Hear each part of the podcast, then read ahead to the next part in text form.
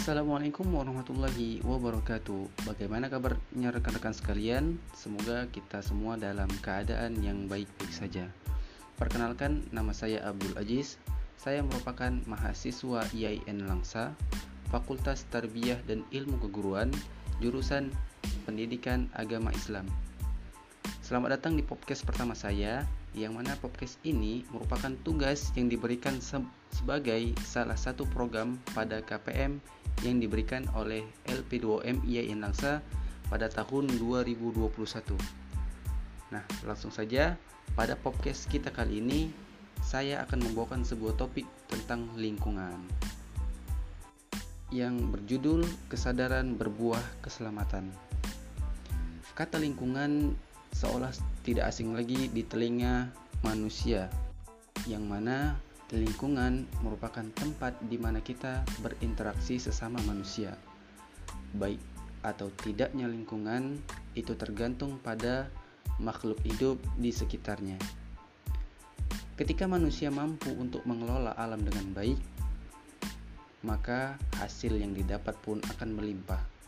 Dan sebaliknya, apabila sumber daya manusianya buruk dan tidak memiliki kemampuan untuk mengelola alam dengan baik, maka sudah dipastikan bukan hasil yang didapat, melainkan bencana yang mengintai. Menurut Badan Nasional Penanggulangan Bencana atau BNPB mencatat terdapat 2.925 bencana alam sepanjang tahun 2020. Adapun data yang dikumpulkan oleh BNPB bencana yang terjadi sepanjang 2020 ini didominasi dengan bencana alam seperti banjir bandang, tanah longsor, kekeringan hingga kebakaran hutan dan lahan. Dari total 2929 jenis bencana alam dari total keseluruhan kejadian itu yang mana korban meninggal dunia akibat dampak bencana alam tersebut merupakan 370 jiwa yang 39 orang hilang dan 536 jiwa mengalami luka-luka.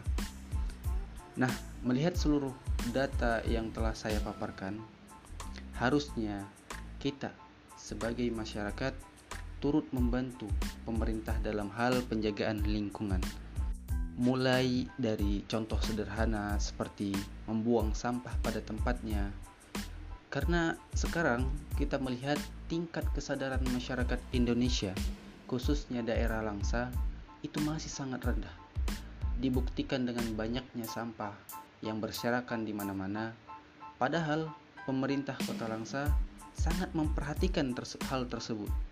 Yang mana pemerintah itu sendiri bahkan mengerahkan mobil-mobil pengangkut sampah, petugas-petugas yang seolah tidak ada liburnya, mereka bekerja setiap tiga kali sehari, yang mana mobil akan mengangkut sampah-sampah yang di yang dikumpulkan di TPA. Membuang sampah merupakan contoh kecil dari kerusakan lingkungan yang disebabkan oleh tingkah laku tangan manusia itu sendiri. Nah, berdasarkan data yang kami dapatkan dari Sekretaris Tempat Pembuangan Akhir Kota Langsa, setiap harinya ada 10 ton sampah yang berhasil dikumpulkan di TPU Kota Langsa. Nah, seolah tidak menyia-nyiakan kesempatan itu, kami pun menanyakan sesuatu terkait kesadaran masyarakat Kota Langsa dan yang mengejutkan, sontak beliau menjawab, "Ya, benar sekali. Tingkat kesadaran masyarakat kita masih sangat rendah." Ini dibuktikan dengan grafik pengumpulan sampah yang terus naik setiap tahunnya. Lalu lantas beliau menuturkan kekecewaannya kepada kami. Beliau mengatakan, "Saya sangat kecewa terhadap pola pikir masyarakat yang tidak pernah berubah terus saja membuang sampah seenaknya. Mereka tidak memikirkan kami yang tidak pernah libur dalam mengumpulkan sampah setiap harinya. Bahkan mereka bekerja di hari besar seperti hari raya.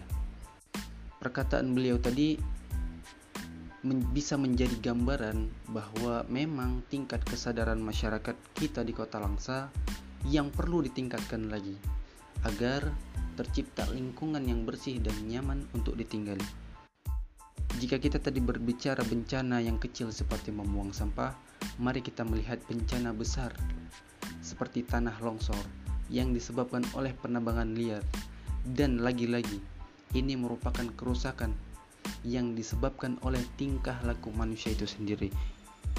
Bukan semua, tapi sebagian yang tidak bertanggung jawab, yang mana mereka hanya memikirkan perut mereka sendiri dan mengakibatkan bencana alam yang menghantui di sekitar kita. Berdasarkan jurnal yang ditulis oleh Abdul Karim, mahasiswa Stein Kudus, Jawa Tengah, yang berjudul Mengemban Kesadaran Melestarikan Lingkungan Hidup Berbasis Humanisme Pendidikan Agama. Beliau di sana mengatakan berkurangnya kawasan hutan disebabkan pula oleh tingkat tindakan masyarakat desa yang memanfaatkan hutan untuk membuka ladang atau berkebun, menebang pohon untuk kayu, pertukangan, dan mengambil kayu bakar. Yang mana ini semua memberikan ancaman bagi kelestarian hutan itu sendiri. Di sisi lain, kerusakan lingkungan disebabkan oleh manusia dalam memahami lingkungan. Pandangan yang mengatakan bahwa manusia sebagai pusat dari alam semesta, sedangkan alam seisinya hanya sebagai alat pemuas bagi kepentingan mereka, ini merupakan pikiran yang sangat tidak profesional yang dapat mendorong munculnya sikap eksploitasi lingkungan secara berlebihan. Kesalahan cara pandang seperti ini akan menempatkan manusia bebas melakukan apa saja terhadap alam untuk memenuhi segala kebutuhannya. Adapun tingkat penghasilan masyarakat di desa yang rendah ikut serta menjadi penyebab perusakan lingkungan hutan. Tingkat pendapatan masyarakat tidak diukur berdasarkan kriteria ekonomi masyarakat setempat, akan tetapi mengikuti parameter standar masyarakat maju atau perkotaan yang mendorong sikap cepat ingin kaya, sehingga memicu munculnya tindakan eksploitasi terhadap lingkungan.